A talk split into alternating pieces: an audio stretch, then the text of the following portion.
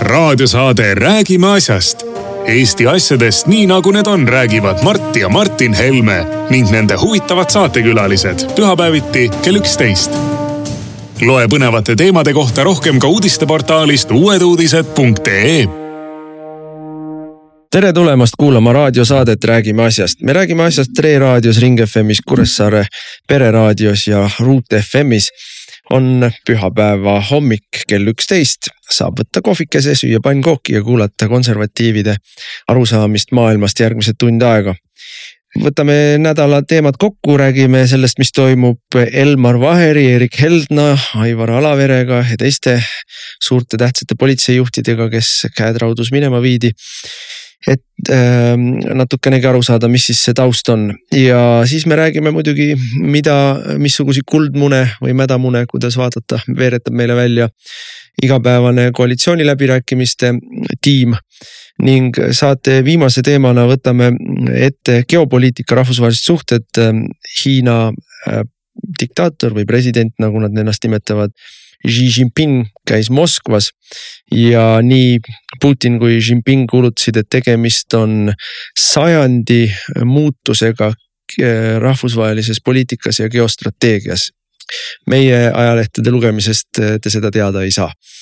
aga kõigepealt kodukamarale küll oleks tahtnud olla juures kui äh, mindi ja väänati Elmar Vahelil käed selja taha ja ta politseisse viidi, küll oleks tahtnud olla juures. politseist viidi politseisse. just, tuldi talle järgi ja viidi ära ja hoiti ilma telefonita peaaegu ööpäev kinni.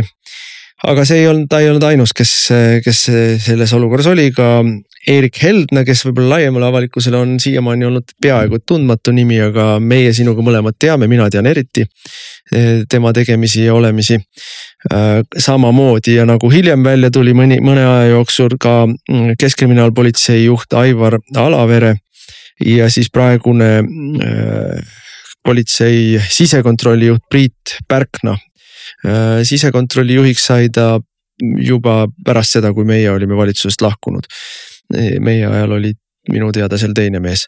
aga ma võin segamini ajada sisekontrolli ministeeriumis no, ja politseis. kuupäevi täpselt ei tea, ega sellel ei ole ka mingit erilist tähtsust noh, siseministrina ma nägin, et see oli kõik üks, nagu venelased ütlevad, šaika ja, ja noh, mis oli väga sümptomaatiline, oli see, et kuigi seal politsei juhtkonnas käis ka oma väike, mitte väike, aga võib-olla isegi suur võimuvõitlus ja kõik trügisid ikka sinna sellele Tammede allee korrusele, nagu seda all, allpool irooniliselt nimetati. Tammede allee, kuna need sümbolid on tammelehtedega, sealt politsei teatud atribuutidel siis äh, põhimõtteliselt äh, ka Vaher süstemaatiliselt töötas selle nimel, et, et politsei juhtkonnas ega, ega ka prefektuurides ei oleks inimesi, äh, keda tema, tema isiklikult ei saa usaldada. Keda tema isiklikult ei saa usaldada ja ma nägin seda sealt seestpoolt väga hästi ja, ja no seetõttu ma saangi öelda, et, et ükskõik mis ametikohta keegi seal eh, tol hetkel või, või, või ka hiljem täitis, see kõik oli üks kamp, eh, kes eh, koordineeris oma tegevusi ja kui nad praegu väidavad, et ei, neil polnud aimugi, et see kõik oli kuidagi vildakas või seadusevastane, siis see on lihtsalt, lihtsalt puru silmapuistamine no mina ütleks niimoodi, et võib-olla kõige olulisem asi, mida siin kohe alguses tuleks tõdeda, on see, et Nad võeti vahele ja neile on esitatud kahtlustus, mitte vist veel küll süüdistus, aga kahtlustus, igal juhul kriminaalasi käib asja eest, mis on noh, ütleme laias laastus rutiinne. kogu, kogu see juhtimiskultuur ja kogu see valitsemiskultuur, mis Vaheri aegses politseiametis on, on täpselt selline täpselt selline, et ma tuletaksin siin meelde, et vahetult ennem seda, kui sina panid siseministri ameti maha. kuna täiesti äh, ootamatult ja, ja justkui mitte kuskilt tuli välja mingisugune rahvus, suur rahvusvaheline skandaal teemal homod jooksku Rootsis. millest meie tollane peaminister Jüri Ratas, oi kuidas ta käis ja uhkis ja puhkis kui, kui, kui paha see kõik on, kui raske see kõik on oi, oi, oi, oi, oi, oi, nüüd tuleb vabandada oi, oi, oi, jumal hoidku küll, jumal hoidku küll, millest. et no see, see iseloomustas Jüri Ratast, aga noh. ei, aga see ütlen... iseloomustab seda, et see oli infooperatsioon, mis oli tehtud sellepärast, et sinust lahti saada, sest sul oli tehtud ära kõik ettevalmistused, et teha ära see, mida praegu tegi. üllatus, üllatus, sotsist siseminister Lauri Läänemets ehk kõrvaldada Vaher ametist ja alustada distsiplinaarjuurdlust, sest et seal oli üks äärmiselt halvasti lõhnav äh, hange läbi viidud äh, tema juhtimisel. et tegelikult me valmistusime noh. aga see hange, see läkski kalevi alla ja, ja minul oli ju nii, et astusin tagasi ja põhimõtteliselt järgmiseks nädalaks oli Vaher vaibale kutsutud. Et aru annaks, seal oli tegemist ühe, ühe hankega, kus äh, hanke tingimusi oli räigelt rikutud. ma ei hakka seda lahti seletama praegu, need üksikasjad ei ole nii olulised, aga äh, sellele juhtis tähelepanu ja selle materjali kogus, kogus kokku meie ministeeriumi sisekontroll ja, ja seal ei olnud vaielda mitte midagi. seal ei olnud vaielda mitte ei, midagi. ei no Vaher vaidleb praegugi, tema ei ole midagi teinud. ei, tema ei ole muidugi midagi teinud, aga, aga selle alusel oleks ma ta lahti lasknud. Sest et noh, tuletame meelde, et mis siin siis ikkagi oli, mis oli see meie tüli põhjus kui äh, meie teda tahtsime ametist lahti lasta ja jälle Jüri Ratas oli see, kes, kes teatas, et meil on nüüd valitsuskriis ja, ja, ja Vaher jääb paika ja, ja meie peame taanduma. ühesõnaga noh, nii nagu, nagu ta kogu aeg tegi. et meil oleks halb. aga no okei okay,, Jüri Ratas on praegu oma vitsad saanud, karma sai ta kätte või saab ta kätte nii või teisiti, eks see on kõik tema, tema slikerdamiste ja, ja lõputute kavalate skeemikeste tulemus tulemus, räägime sellest, ma arvan, mõne nädala pärast aga äh, siis, siis loomulikult äh, Vaherit ei puudutatud. meie pidime olema need, kes, kes noh, ühesõnaga tegid midagi ebaseaduslikku, ehkki me midagi ebaseaduslikku ei teinud. et see oli esimene, aga mis, mis see põhjus oli, miks, miks me seda tegime?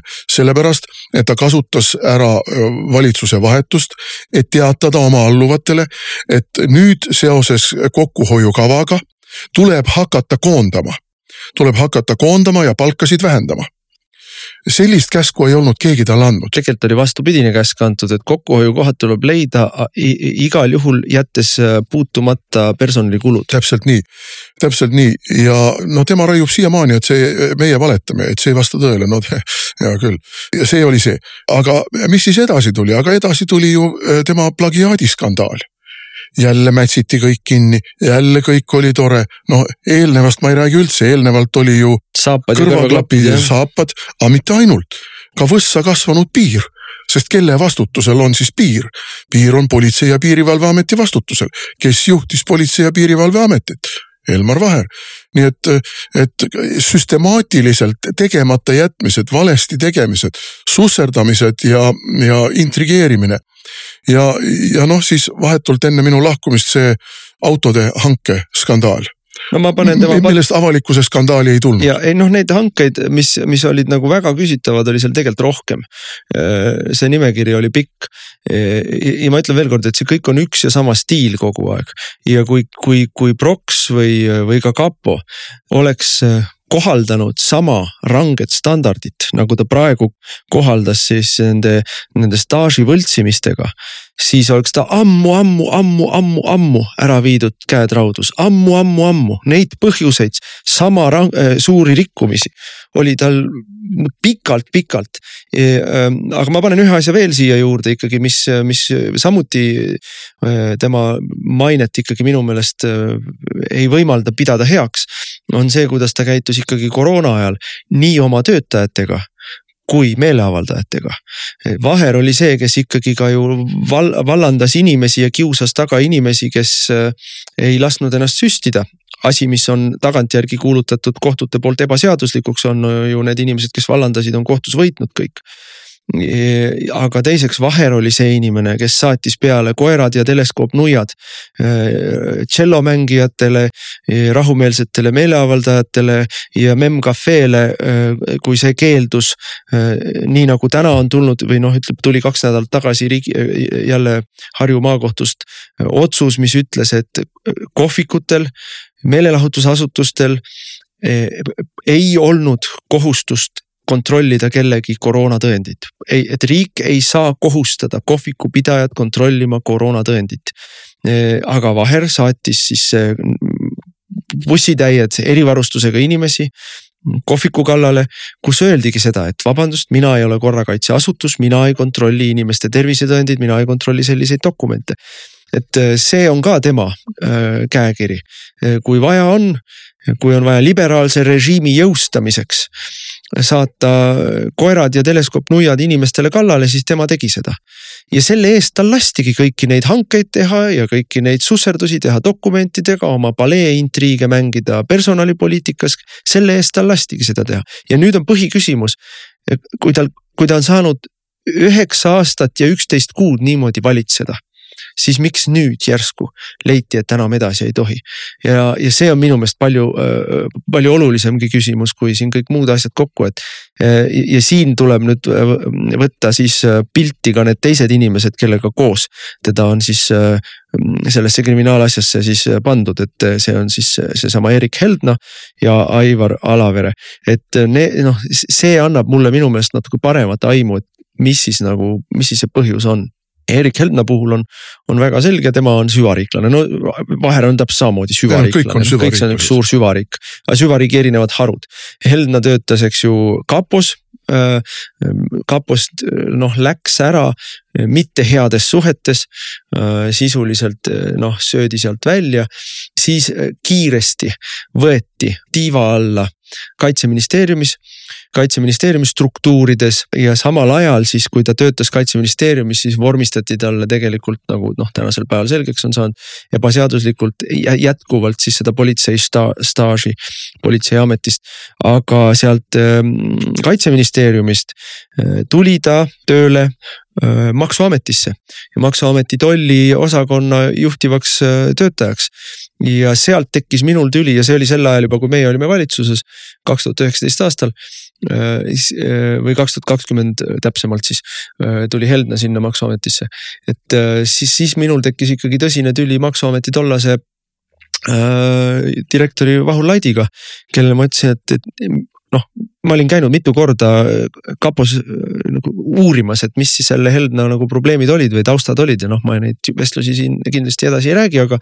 aga mulle oli selge, et ta ei sobi sinna maksuametisse mitte mingil juhul tööle ja äh, no ütlesin Laidile, et sa, sa teda, seda, seda inimest ei saa tööl hoida. noh, lõppes see asi sellega, et Laid läks ise töölt ära, ennem kui ta laseb Helna lahti. Äh, ja, ja noh, siis juba kukkus meie valitsus, muidu ma oleks sellest Heldnast seal maksuametis ise lahti saanud, aga äh, tuli. ma ei jõudnud enam uut direktorit panna, sest meil oli noh, Laid läks ära kaks tuhat kakskümmend aasta suve lõpul. hakkasime uut direktorit otsima ja, ja noh, uut me ei saanud paika panna, sest ennem valitsus lagunes ära ja, ja neid ka kohusetäitjaid mul ei, mul ei õnnestunud, noh see muide illustreerib väga hästi, kui keeruline on Eestis. Kui sa oled isegi minister ja kui sa oled isegi võimul valitsuses, kui keeruline on ära väänata neid pujääne seal kuskil noh vürstiriikides, milleks meie riigiasutused on. ja, aga see on väga lihtne põhjus, ma ikkagi tulen tagasi Jüri Ratase juurde, Jüri Ratas kõikidel puhkudel asus ametnike poolele, kõikidel puhkudel asus ametnike ja eelkõige süvariigi ametnike poolele. Ja lihtsalt ei lasknud meil teha ta ja noh, rääkimata sellest, ta ei lasknud meil ka muid asju teha, aga konkreetselt personali küsimustes oli ta alati ametnike poolel. ja noh, loomulikult koalitsioonis, kuna meil oli kokkulepe, et meil on konsensuslikud otsused. no kui tema nõus ei olnud, lasi pea norgu põlvede vahele, ähkis ja puhkis. ei, mina seda ei saa, ei, mina sellega nõus ei saa olla oh,. umbes niimoodi, et vaesekesed silitage mu pead ja tulge, tundke mulle kaasa. no me ei saa ju üle tema laiba minna. noh, ma toon näite siin sellest, et mul sai äh, aeg, ametiaeg sai täis kantsleril. kantsler oli olnud kantsler juba kümme aastat ja ennem seda asekantsler veel kümme aastat, nii et noh, elupõline kantsleri või asekantsleri amet oli olnud tal. ja mina ütlesin selgelt välja, et mina tema aega ei pikenda, et aeg on värsket verd tuua, ma tahan ministeeriumisse tuua uusi nägusid. ja, ja ei, ei noh, ütlesin talle ka välja, et noh, et mitu kuud juba ette, et, et ma ei, ma ei kavatse pikendada. ja, ja äh, kantsleri määramine on ministri enda asi, see ei käi valitsusest läbi, aga no tähendab, ta käib valitsusest läbi, aga, aga ta ei noh. ei nõua konsensuslikku otsust. noh, põhimõtteliselt see on, see on nagu ministri otsus.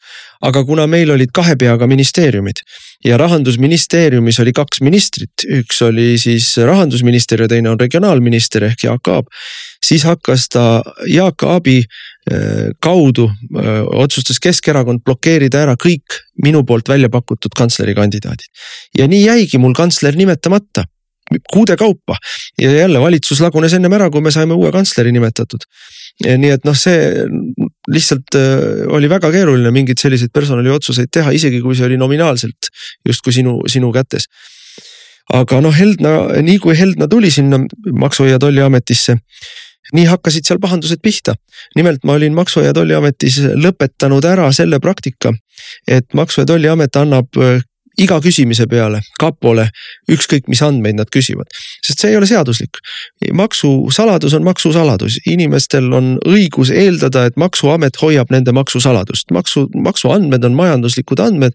ja need on delikaatsed andmed, neid ei, neid ei saa jagada teiste riigiasutustega. delikaatsed isikuandmed jah, neid ei saa, aga noh, loomulikult nii nagu Eestis kombeks oli, et kui, kui kapost saadeti kiri või, või helistati ja öeldi, et meil on seda või seda, seda asja vaja.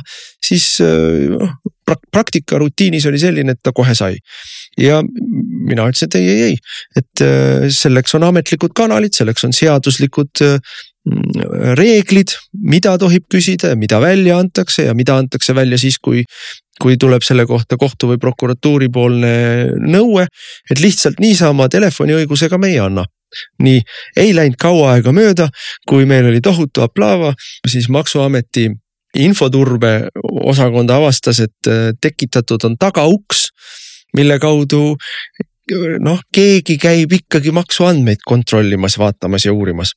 täpsemalt tolli, tolli valdkonnas ja noh, ei saa siin öelda, et tõestatult ühte või teistpidi, aga noh, kõik, kõik märgid viitasid sellele, et see oli ikkagi üks Eesti julgeolekuasutus, kes seda tagaust kasutas usinasti noh, eks ma panin selle tagaukse siis ka kinni, aga see, see, see kõik oli, see kõik on seotud, see näitab, millises maailmas me tegelikult elame, millises riigis me elame, noh. ja, ja seal enne... taga on samad inimesed kogu aeg. absoluutselt, ma toon näite lihtsalt, isikliku näite.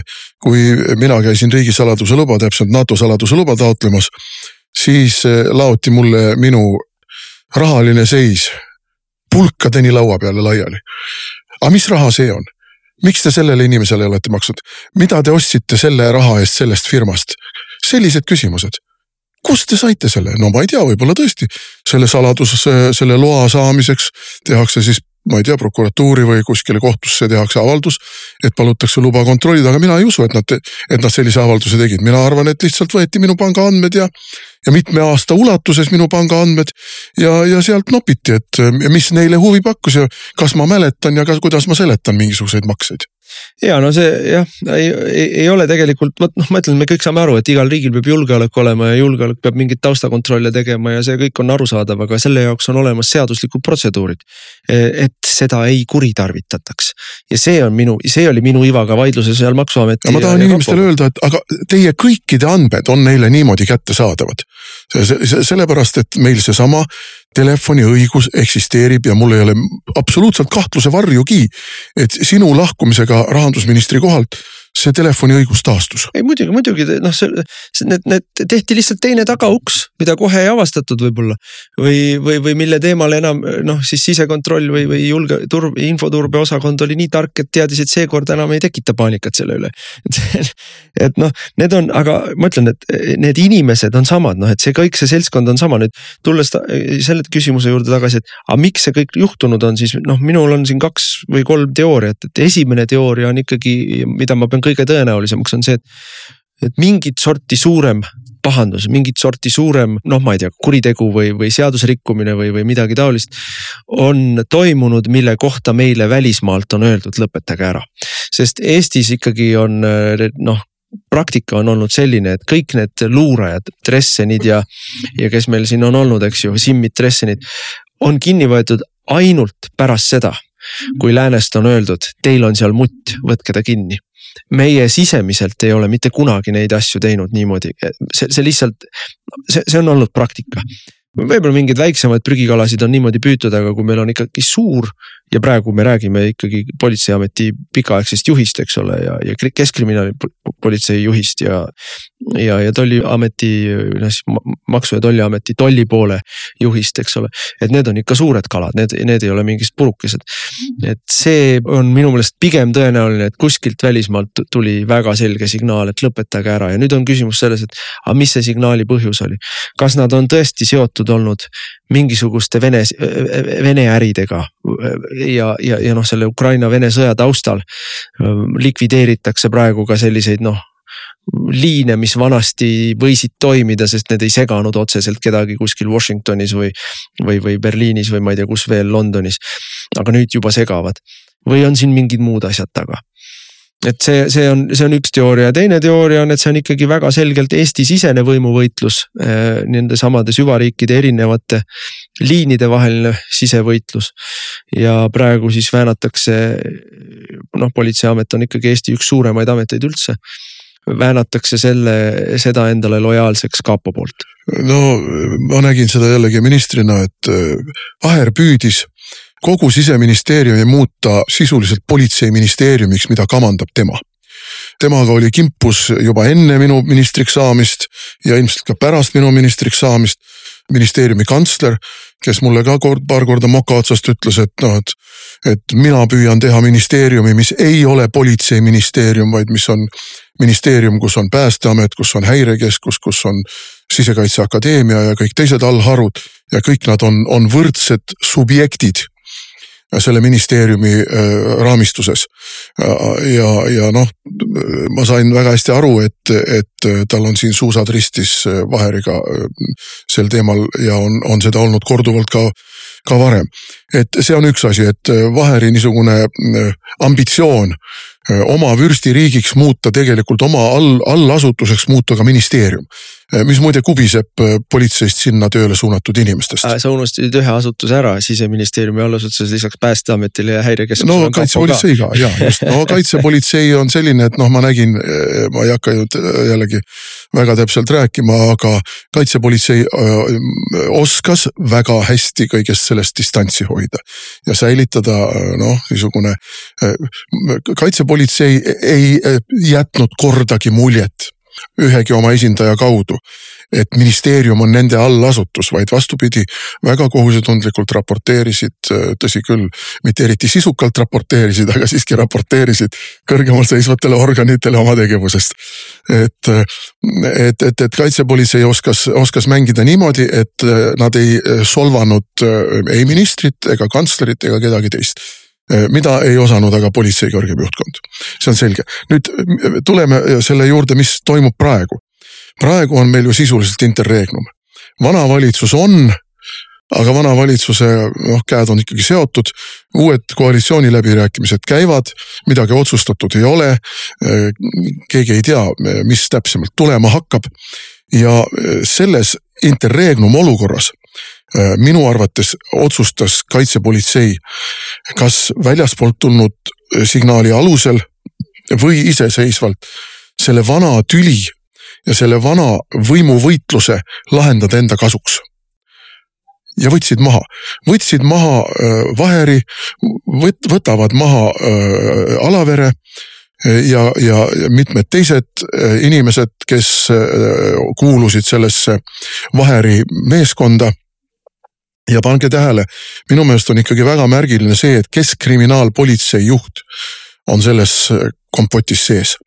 mis tähendab minu arvates seda, et keskkriminaalpolitsei mingisugune tegevusvaldkond on olnud see, mis on minu arvates tegelik põhjus, miks kogu see äh, puhastus on lahti läinud noh, see võib olla narkokaubandus või narkobusiness, see võib olla mingi muu asi mina, minul vana rahapesuvastase võitluse sellise aktivistina nii mõnigi nimi tek-, tekitab äratundmisrõõmu siin, kuidas, kuidas erinevates nii-öelda kahtlustusskeemides on olnud ka rahapesuga seotud need inimesed ja, ja noh, siin võivad olla mingisugused sellised asjad sees, mida no küll nad välja tulevad, ega Eesti on piisavalt väike, küll nad välja tulevad, üks väike võib-olla lisandus, mis ma selle kogu selle kompoti peale ütlen, et.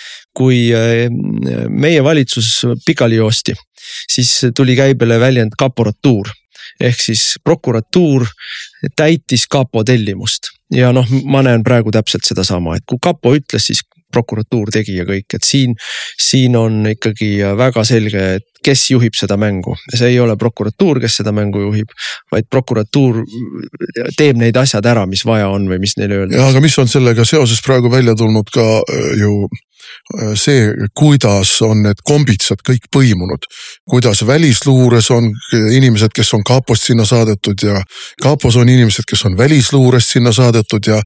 ja siseministeeriumis on inimesed, kes on nendest äh, asutustest saadetud sinna tööle ja nii edasi ja nii edasi, et, et kõik see on üks paras äh, sasi pundar keerulistest alluvusvahekordadest keerulistest ülesannetest, delegeerimistest ja, ja, ja küsimus ongi muidugi see, et aga kes seda lõppkokkuvõttes kontrollib ja kes siis ikkagi, kelle käes on ikkagi see kontrollpult? no ma arvan, et me seda praegu kohe ei näe, aga küll me selle ka teada saame. Raadiosaade Räägime asjast. Eesti asjadest nii nagu need on, räägivad Mart ja Martin Helme ning nende huvitavad saatekülalised. Pühapäeviti kell üksteist. Loe põnevate teemade kohta rohkem ka uudisteportaalist uueduudised.ee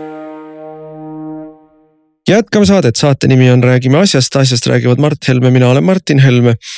võtame väikese sellise vahekokkuvõtte teha koalitsiooni läbirääkimistest. noh, iga päev, kui nad seal säravate nägudega raporteerivad, mida kõike head nad omavahel on kokku leppinud. mind valdab selline tunne, et kõige selle eest me ju hoiatasime Eesti inimesi, ometi hoiatasime Eesti inimesi, kusjuures ma rõhutan jälle üle. Ceterum censeo nagu öeldakse, et, et Eesti inimesed ei ole toetanud seda, me ei tea, me ei tea, mis, mismoodi Eesti inimesed hääletasid, sest et e-valimisi ei ole võimalik kontrollida ja need, need numbrid, mida meile on kuulutatud rahva valikuks tegelikult ei ole mingil moel kinnitatavad. aga, aga noh, sellist äh, koalitsiooni praegu tehakse ja ma tooksin sealt välja mõned eriti, eriti nilbed asjad. no esimene asi on loomulikult kogu see äh, komposteerimine, majade soojendamine, kogu see rohepöörde nime all edasiminev tegelikult inimeste ajude komposteerimine. Teine, mis nad välja kuulutasid, oli see, et ERJK nüüd reformitakse tugevamaks asutuseks, no see on täiesti selgelt sotside kontrolli all olev selline äh, äh, noh poolinkvisitsiooni kohus, millel millel puudub seadusandlik raamistik, aga mis saab karistada, keda ta tahab. ei no mille omavoli on ju värskelt ka näha. sihtasutus Perekonna ja Traditsiooni Kaitseks, kes ei ole erakond, aga näed, kuna tema liikmed kandideerisid meie nimekirjas, siis nemad peavad ka nüüd hakkama aru andma ERJK arvates oma tegevusest, no, no. no samamoodi peaks aru andma ikkagi Postimees. samamoodi peab aru andma see niinimetatud SALK ehk sihtasutus Liberaalne Kodanik. ja aga, aga noh, ma ütlen, kui Postimees Postimehe jaoks töötav Taro kandideerib, eks ju. või Stoicescu, kes seal kogu aeg kirjutas midagi, kandideerib, Postimehest tulevad juhtkirjad. just, just, just, et ärge, ärge hääletage neid või hääletage neid, siis see on täpselt sama asi. mida kirjutab Objektiiv, kus ta ütleb, et nende ja nende poolt hääletamisel on see halb tagajärg ja nende ja nende poolt hääletamisel on see hea tagajärg, et. et tulla väitma, et see selline positsiooni võtmine on muudab kellegi aruandekohustuseks erakondade rahastamise järelevalve komisjonile.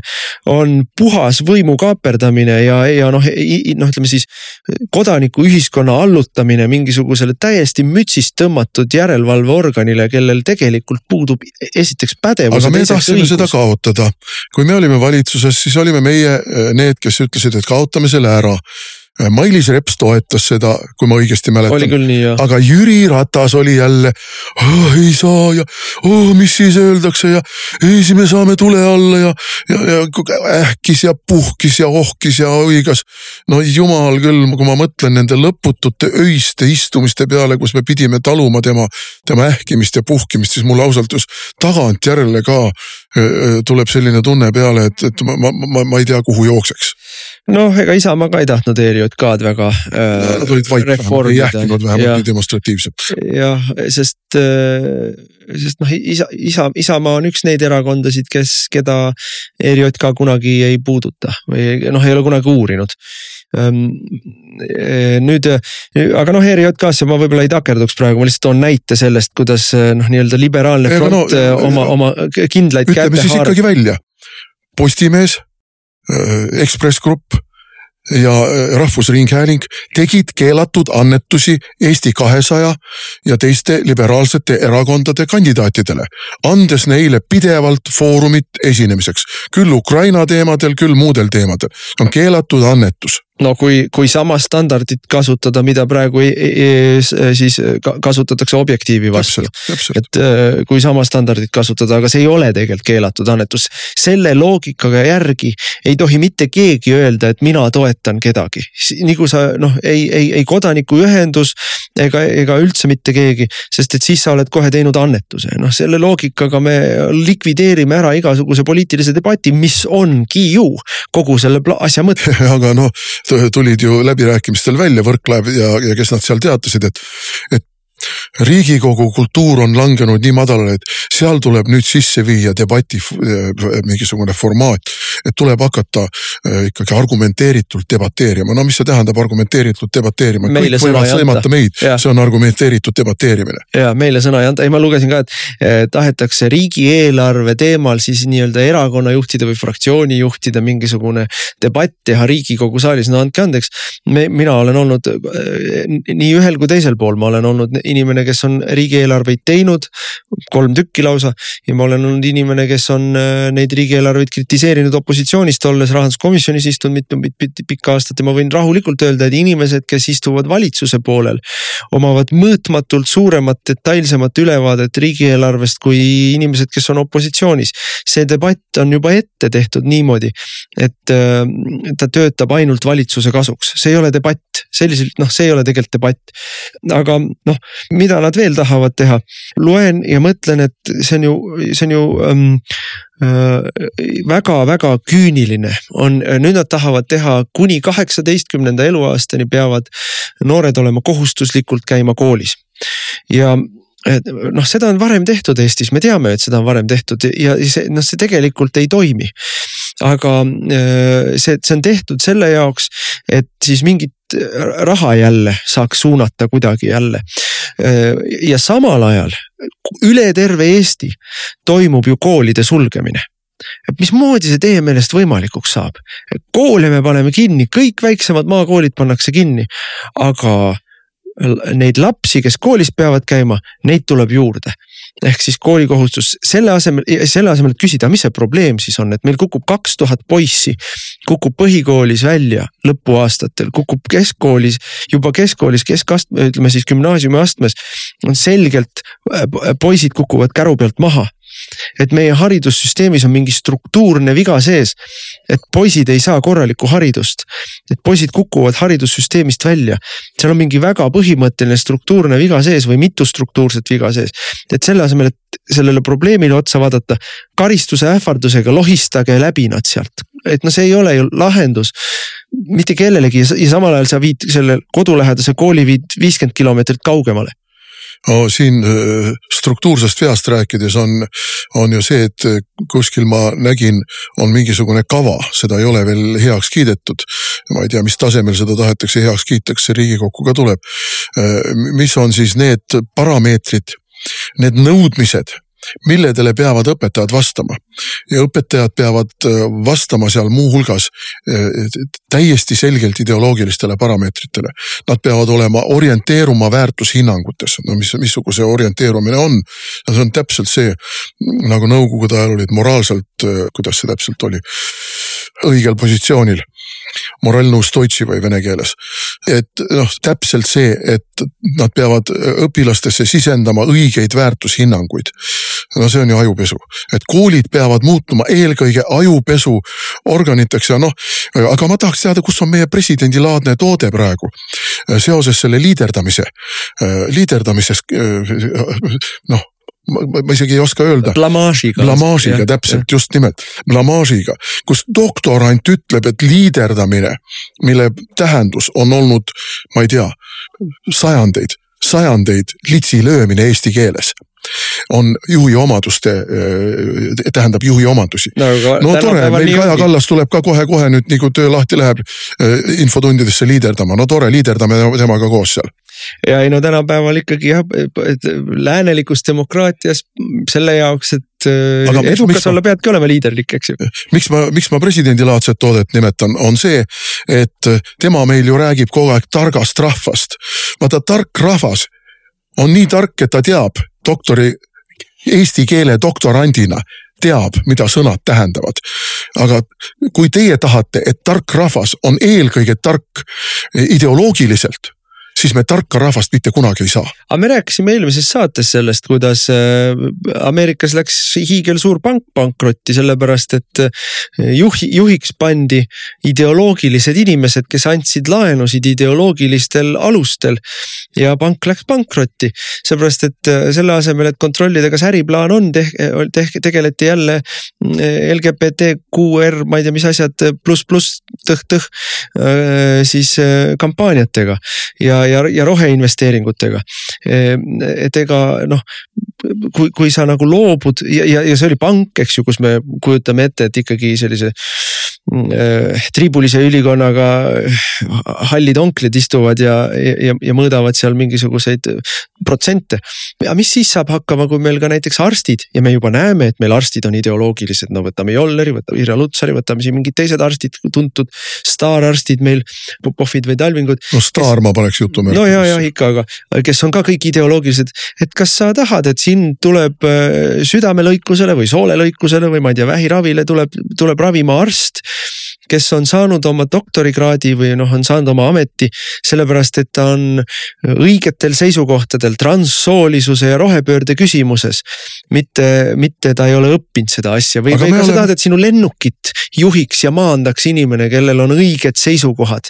jumala eest eh, jälle rohepöörde küsimuses, et kuulge, inimesed hakkavad surema selle tagajärjel. ma, ma näiteks toon sellise näite, ma praegu teadlikult ei avanda kusagil ühtegi oma juttu ega novelli, mida mul on terve hulk väga lihtsal põhjusel, sest ma tean, et ideoloogia võitlejad tormavad kallale ja materdavad mind kui kirjanikku maatasa. see on ju selge, et nad materdavad mind maatasa, ükskõik kui head või meeldivad lugejatele need minu jutud ja luuletused on. Nad materdavad mind maatasa, sest ideoloogiliselt ma olen neile vastuvõetamatu ja see on olukord, kuhu me oleme jõudnud. kõik välistavad meid, mõtle, kui õudne on EKRE aga mida me siis nii õudset oleme teinud no, meie... kas meie oleme teinud midagi niisugust, nagu need liberaalid on teinud? ei ole no see ongi ju meie probleem, et me ei lähe vooluga kaasa.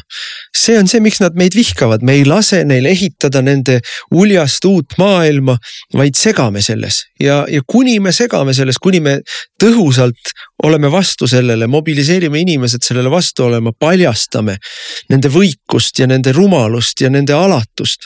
senikaua tuleb meid kogu aeg sõimata ja materdada nii et äh, see on äh, noh, see on see, aga äh, nii nagu ikka, need ideoloogilised režiimid kukuvad kokku omaenda raskuse all, kukub kokku ka see euroliberalism või, või, või globaalne liberalism. lihtsalt kurb ja traagiline on see, et see kokkukukkumine toob kaasa ju noh vaesumist, kannatusi, noh traagikat inimeste. ei no aga vaesumine ja kannatamine on ju meile kõik juba seina peale maalitud, see on noh, nagu projektooriga on lastud suure ekraani peale. kallid sõbrad, meie ei, ei vaidle vastu sellele, et kõik peavad oma maju renoveerima hakkama ja mis on edasi, aga edasi on nii, ah sa ei jaksa renoveerida järelikult me riigistame sinu maja, renoveerime selle ära ja sa hakkad järk-järgult maksma riigile. võtame su pensionist maha, võtame su sissetulekutest maha. noh, sinu pangaarved, nagu me just rääkisime, on meil kõik kontrolli all. Kulutame sind, noh, ühesõnaga, teeme linnukese äh, kuskile, et sina oled riigile võlgu ja sina ära sured, siis sinu järglased, kes hakkavad sinu majas elama või sinu korteris elama, jätkavad selle maksmist ja, ja, ja nii kõikide asjadega loomulikult nad ei ole ju varjanudki kõiki neid makse, mida nad kavatsevad teha. ah, et makse ei tõsta, makse ei tõsta, lugege mu huultelt, nagu Kaja Kallas ütles, maksud ei tõuse, no tore, maksud ei tõuse, tulevad uued maksud ei, ei tulevad ka ikkagi maksutõusud, tahetakse, räägitakse täiesti selgelt äh, aktsiisitõusudest, kütuseaktsiisi tõusudest, noh, meie olime erakond, kes ütles selgelt, et aktsiise tuleb langetada. nüüd on valitsus meil, kes tahab aktsiise tõsta, räägitakse kinnisvaramaksust või maamaksu tõusust. ma arvan, et mõlemad tulevad. ja kusjuures ma, ma arvan ka, et mõlemad tulevad, räägitakse keskkonnatasudest, mis on ju maksud, mis on meil Eestis muide niigi ühed Euroopa kõrgemad. inimesed lihtsalt ei tea seda, sest et väga suur põhjus miks meil on elekter kallis, on keskkonnatasud. ja, ja kõikidest neist asjadest räägitakse täiesti möödaminnes, aga noh, see, mida tahetakse ikkagi teha nende, nende, nende majade soojendamistega ja, ja komposteerimiste ja muude taoliste asjadega on ikkagi see, et inimesed, see, see ongi rikkuse ümberjagamine, inimesed, kellel on midagi, maksustatakse nii vaeseks, et neil ei ole enam midagi. ja see midagi, mis neil oli ja mis neilt ära võetakse, kas maksude, lõivude või muude asjade kaudu, läheb kellegi kellelegi teisele kellegi teise jõukust suurendama, vot see on see, mida tehakse meile. ja, ja ühel hetkel noh, tuleb sellele vastu hakata ühel, teisel või kolmandal moel.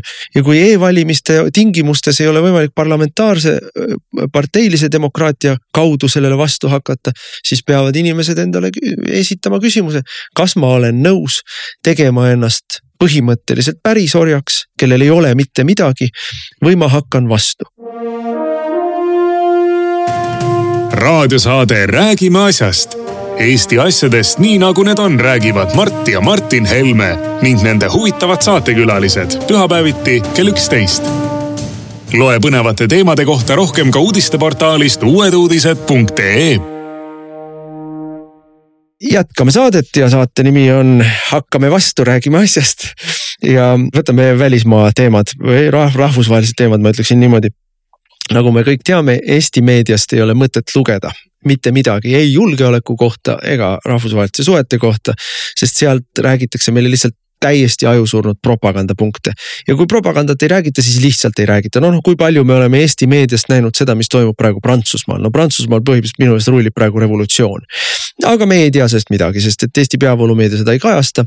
või kui paljud meist teavad seda, et eh, Iirimaal toimuvad juba kuude kaupa massimeeleavaldused immigratsiooni vastu ma ei ole ainsatki uudist näinud, ainsatki, ma tunnistan muidugi ausalt, et ma Eesti meediat loen võimalikult hõredalt. nii et noh, kui me tahame aru saada või kui palju on räägitud sellest, et äh, Ameerikas plaanitakse Donald Trumpi vallandada, sellest me võiksime teha ükskord eraldi segmendi. aga mm, noh, paar nupukest äh, sellises kastmes või sellises võtmes, et noh, Trump on jälle hulluks läinud. noh, tegelikult on ikkagi näitab, kui, kui kui täiesti politiseeritud julgeolekuasutused või, või õiguskaitseorganid hakkavad rajalt maha võtma äh, tulevast äh, opositsiooni liidrit, kes kandideerib äh, istuva presidendi vastu, siis selle asja nimi ei ole konstitutsiooniline vabariik. selle asja nimi on kas totalitaarne riik või selle asja nimi on banaanivabariik või on see täiesti korrumpeerunud riik, aga igal juhul mitte konstitutsiooniline vabariik nii et noh, neid uudiseid me ei näe ja seda me ei kuule. aga noh, mõned nupukesed olid sellest, et Hiina, Hiina liider Xi Jinping käis äh, Moskvas ja kohtus Putiniga ja noh, meile esitleti seda, et noh, on veel mõni napakas, kes Putiniga pildile ronib. aga noh, see ei muuda midagi, oli minu meelest see nihuke nagu läbiv sõnum oli see, et midagi ei muutnud. see kohtumine, no minu meelest oli see kohtumine täpselt nii, nagu nad ise ütlesid, ikkagi murranguline või, või, või noh, saja aasta sihukese suurem muutus geostrateegilises plaanis, et noh, kui hästi lihtsalt kokku võttes, et mis on olnud eh, ameeriklaste põhimure eh, rahvusvahelistes suhetes, noh alates esimesest maailmasõjast, mis on olnud inglaste põhimure alates Napoleoni sõdadest eh, on suure kontinentaalse ploki ärahoidmine noh, inglased omal ajal olid eriti mures sellepärast, et venelased, prantslased, sakslased moodustaksid suurt kontinentaalset plokki, et nemad sellest ei saa jagu, inglased ei suuda seda. ja selle jaoks nad mängisid neid riike siis üksteisele vastu. noh, ameeriklased mõtlevad globaalsemalt ja nende põhimure on siis see, et Venemaa ja Euroopa ei oleks ühine jõud Ameerika tasakaaluks või Venemaa ja Hiina. aga veel hullem kui Venemaa, Hiina ja, ja, ja osa Euroopast. noh, on siis nii-öelda strateegilises äh, joondumises Ameerika vastu, et see on ameeriklaste õudusunenägu. ja see õudusunenägu minu meelest meie silme all on, on realiseerumas ja sellel on otsesed ja väga selged tagajärjed meie julgeolekule. no meil loomulikult jah ei räägita mitte midagi, meil ilgutakse ainult, kuidas Venemaa muutus Hiina vasalliks, no mis tähtsust sellel on? ei, kusjuures ei muutunud ja see on üks teema, millest noh, jälle räägitakse, no aga Hiina ei ole Venemaale relvi andnud. sellepärast ei ole, et venelased ei ole küsinud, sest venelased teavad, et see hind oleks liiga kõrge, mida hiinlased vastu küsivad.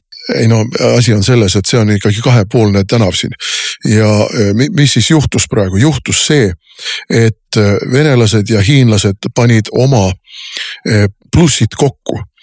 Venemaa toore Venemaa loodusressursid ja hiiglaslik territoorium, kust neid loodusressursse ammendada. kogu Mendelejevi tabel on olemas. kõik see, mida on vaja kiipide tootmiseks, on Venemaal olemas. ja Hiina toodab neid. ja Hiina pani oma know-how, oma töökuse, oma üles ehitatud tööstuse Venemaa tooraine peale praegu nüüd nagu turboga tööle ja, ja, ja see tuleb ja. kusjuures ja... odavamalt, tänu sellele, et Venemaa vastu on sanktsioonid kehtestatud ja nafta hinnalaed ja nii edasi. said hiinlased venelastelt jube odavalt kätte kraami. ja kõigele lisaks äh, leppisid nad kokku selles, et äh, nendevaheline kaubandus toimub juba ammu rubla või juaani baasil. aga nüüd tõmbavad nad ka kogu ülejäänud maailma, välja arvatud see läänemaailm, endaga selles kaasa ja põhimõtteliselt nendega seal ripsutab tiiba India mis ei ole mingisugune väike riigikene, nagu me teame, üle no, miljardi elaniku. tuumariik, miljard inimest, tohutu majandus. ja, ja kambas on ka äh, juhtivad islamiriigid, tegelikult on Saudi Araabia pööranud Ameerikale selja. Äh, Iraanist me üldse ei räägi äh, ja me näeme praegu seda, et on moodustunud lääne vastane, konkreetselt Ameerika vastane ülivõimas plokk. see paika loksumine võtab veel aega ja loomulikult äh, kõik nad ajavad mingit oma asja. ei ole niimoodi, et neil on mingisugune suur üks kollektiivne asi. no meile püütakse jätta muljet nagu lääneriikidel oleks üks suur kollektiivne ühine asi. no ei vasta tõele. sakslastel on ühed huvid, prantslastel teised huvid, hispaanlastel, itaallastel kolmandad-neljandad huvid ja ameeriklastel üldse oma huvid. et noh, ei ole sellist asja, et on mingisugune üks kollektiivne huvi nagu mingi perekond kes.... läänelikud väärtused, läänelikud väärtused, vikerkaarelipp on see ühine huvi. et, et, et noh, see kui ameeriklased kartsid kogu aeg Venemaa ja Saksamaa punti minekut, siis nüüd on juhtunud midagi palju hullemat.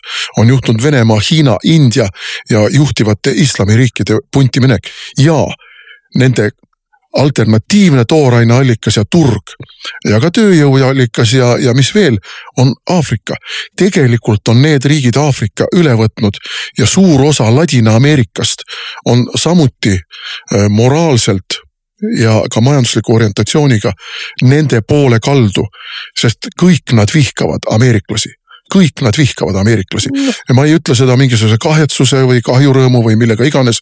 see on reaalsus ja ma nägin hiljaaegu ühte kaarti äh, mis näitas seda, äh, missugustes riikides domineerib Hiina mõju. see, see maailmakaart no majanduslik eelkõige Ma. majanduslik jah, ja, ja, ja see kaart on punane, see Hiina mõju oli seal punasega märgitud. no laias laastus kolm neljandikku Ladina-Ameerikast, üheksakümmend protsenti Aafrikast ja noh, praktiliselt kogu Aasia no mis on jälle meie noh, aasta otsa on see Ukraina sõda käinud, natukene isegi juba rohkem. ja, ja noh, meie propaganda ju on täielikult noh, eriti esimestel kuudel ja nädalatel ja kuudel noh, maaliti pilt sellest, kuidas terve maailm on, on, on ühisrindes Venemaa vastu, ei lubata neil sportlastel midagi teha, McDonalds pani ka uksed kinni ja, ja nii edasi Te,. noh, tegelikult see ei vastanud ju kunagi päriselt tõele, et on tõe, on tõsi, on see, et terve läänemaailm oli väga, on ja on tänase päevani küll küll, küllaltki ühtne kogu, kogu selle Venemaa vastaste sanktsioonide ja ka poliitilise liini ja julgeoleku teemadel. kogu läänemaailm on ühtne ja seda läänemaailma ühtsust loomulikult siis noh jõustab ja dirigeerib Ameerika. aga eh, sellega asi enam-vähem piirdubki. ja nüüd pärast, ei, ei, aafriklased ei tõstnud ju üldse toru, ladinaameeriklased ei tõstnud üldse toru. India ütles kohe alguses ära, et nemad poolt ei vali ja, ja Hiina ütles kohe alguses ära, et eh, siin tuleb tasakaalustatud lähenemine teha mis on noh läbi lillede ütlemine, et ärge te arvake, lääneriigid, et meie teile appi tuleme nüüd on see siis ka noh, hästi ametlikult välja öeldud. see hiinlaste rahuplaan, mille nad esitlesid, noh, seal võib ju, kui tahta olla, ma ei tea, optimist või, või, või, või kuidas iganes vaadata, et seal võib leida ka mõned punktid, mis on kriitilised Venemaa suhtes. no aga see ei muuda asja üldpilti, et asja üldpilt on see, tänaseks päevaks on, peaks nagu kõikidel olema reaalsus kohale jõudnud. Venemaa selja taga seisab Hiina ja, ja, ja noh, see tegelikult muudab minu meelest Ukraina sõja sellist noh, kalkulatsiooni noh no, üdini, põhimõtteliselt, väga põhimõtteliselt, et unustame ära küsimuse selles, kas hiinlased andsid venelastele mõned relvad või mitte. no lugesin uudist siin, kuidas Hispaania saatis Ukrainale kaks tanki. no kuulge, see on noh see isegi ei kõlba propaganda jaoks, see, on nii tühine kõik. no ja ma lihtsalt iseloomustan ka seda, kuidas meie propaganda töötab. oi, missuguse ilkumisega räägitakse, kuidas Venemaa saadab rindele Stalini aegseid tanke, viiekümnendate aastate tanke, saadab. ainult, et ta ei saada neid mitte tankilahinguid pidama nagu teises maailmasõjas või kuskil Ukraina või vabandust, Ungari ülestõusu mahasurumise ajal. vaid ta saadab neid liikursuurtükkidena sinna, need kaevatakse positsioonidele maasse. Nad on on soomustatud. Need on väga laiad torud, need on needsamad kaliibrid torusid, mille meie ära andsime kahurväed. saja kahekümne kahesed ma pakun või saja kahekümnesed, ma peast ei tea või, või, või võib-olla. no üks kama pauku nad teevad ja tapavad. no kolmekümne kilomeetri raadiuses võivad vabalt lasta, see sõltub ka loomulikult, millist laskemoona kasutatakse, aga. aga tuleks geostrateegia juurde tagasi, et noh relvad relvadeks, ma arvan, et tänaseks päevaks peaks igale viimasele kui inimesele selge olema, et kõik need leelo, leelo, leelo jutud sellest, kuidas venelastel on otsas sõdurid, venelastel on otsas otsas relvad, venelastel otsas laskemoonad, venelastel on kõik, kõik, kõik, kõik on otsas õhu, õhuväge neil ei ole, et noh, et seda juttu, mida meil on räägitud esimesest sõjapäevast saadik, noh. kui veel keegi räägib, siis ta teeb veel naeruväärseks noh. aga mi, miks me seda juttu muidugi räägime, on see, et, et inimesed saaksid aru, et Venemaa ei ole selles sõjas lüüa saanud.